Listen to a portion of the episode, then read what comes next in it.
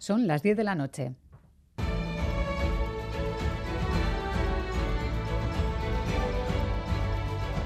Radio Euskadi y Radio Vitoria.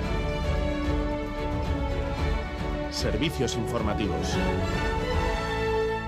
Repasamos los titulares de la jornada con John Fernández Mur, Gabón. Gabón, Miriam, noticias de este martes 21 de febrero, en el que comenzamos mirando la guerra de Ucrania. Rusia ha anunciado que suspende el último tratado de desarme nuclear vigente con Estados Unidos. Lo ha anunciado el presidente Vladimir Putin, quien se ha mostrado dispuesto a realizar nuevas pruebas nucleares si Washington las hace primero. En su discurso de casi dos horas ante la Asamblea Federal rusa, Putin ha reconocido que su país vive un momento difícil, pero ha acusado a Occidente de ser quien inició la guerra asegurando que los engañaron en el Donbass. Ha destacado asimismo que en el campo de batalla Rusia es invencible. Los occidentales no esconden su objetivo de conseguir una derrota estratégica de Rusia.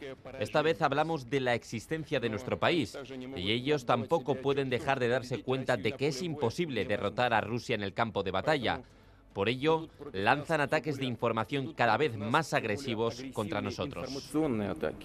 Las sanciones económicas, según Putin, solo han perseguido hacer daño al pueblo ruso. Ha subrayado, eso sí, que su economía resiste, recordando que el PIB ruso solo se redujo un 2,2% el año pasado y asegurando que ya están buscando nuevos mercados, sobre todo en Asia. La respuesta la daba esta tarde, en el día después de su visita a Kiev, el presidente estadounidense Joe Biden desde Varsovia. Sí, en un discurso ante miles de personas en la capital polaca, Biden ha destacado que Putin hoy ha amenazado con cuestiones impensables hace un año. El presidente Putin ha hablado hoy de cuestiones que no pensábamos que fueran posibles hace un año, pero las democracias del mundo son más fuertes y los autócratas del mundo son más débiles. Biden ha subrayado además que la OTAN no se dividirá y que seguirá apoyando a Ucrania. En casa, el gobierno vasco está analizando caso a caso a qué locales obligará a contar con seguridad privada. Hoy anunciado el primero de ellos. Se trata de la discoteca Brutal de Bilbao, en Alameda Recalde. Los vecinos nos han contado que están hartos de las peleas que ocurren en el exterior de la misma. Sé que los vecinos se han quejado. Nosotros la música no la oímos. las peleas más que nada. Las peleas. Cuando vuelvo de fiesta con mis amigos y tal, siempre vemos aquí mucha policía porque ha habido problemas y así. Y pues eh, siempre eh, tengo que llamar a mi madre o algo para que salga a la ventana.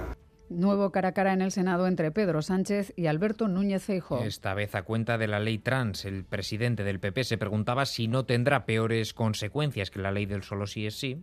Pregúntese, señoría, si este error es incluso peor que el de la ley del solo sí es sí. Porque aquí no solamente afecta a mujeres, afecta a adolescentes, afecta a menores. Deje ya de molestar a la gente de bien, deje ya de meterse en las vidas de los demás. Le respondía el presidente del gobierno.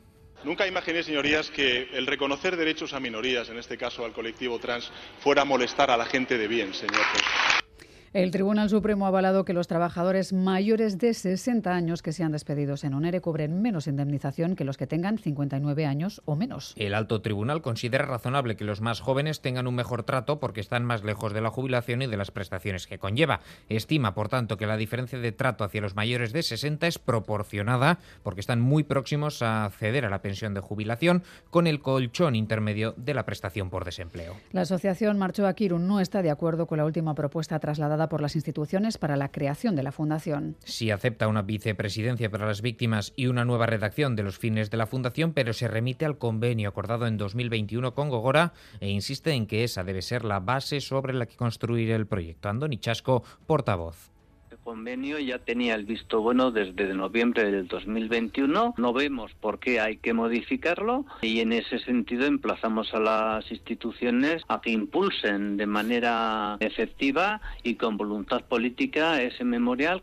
El colectivo que representa a las víctimas de la masacre rehúsa compartir asiento en el patronato de la Fundación con el gobierno español, una posibilidad que han puesto recientemente sobre la mesa varios representantes del Ejecutivo Sánchez y que el ACUA, por el momento, descarta. Es todo, así terminamos. Más noticias en una hora y en todo momento en itv.eus y en la aplicación ITV Albisteac. Gero.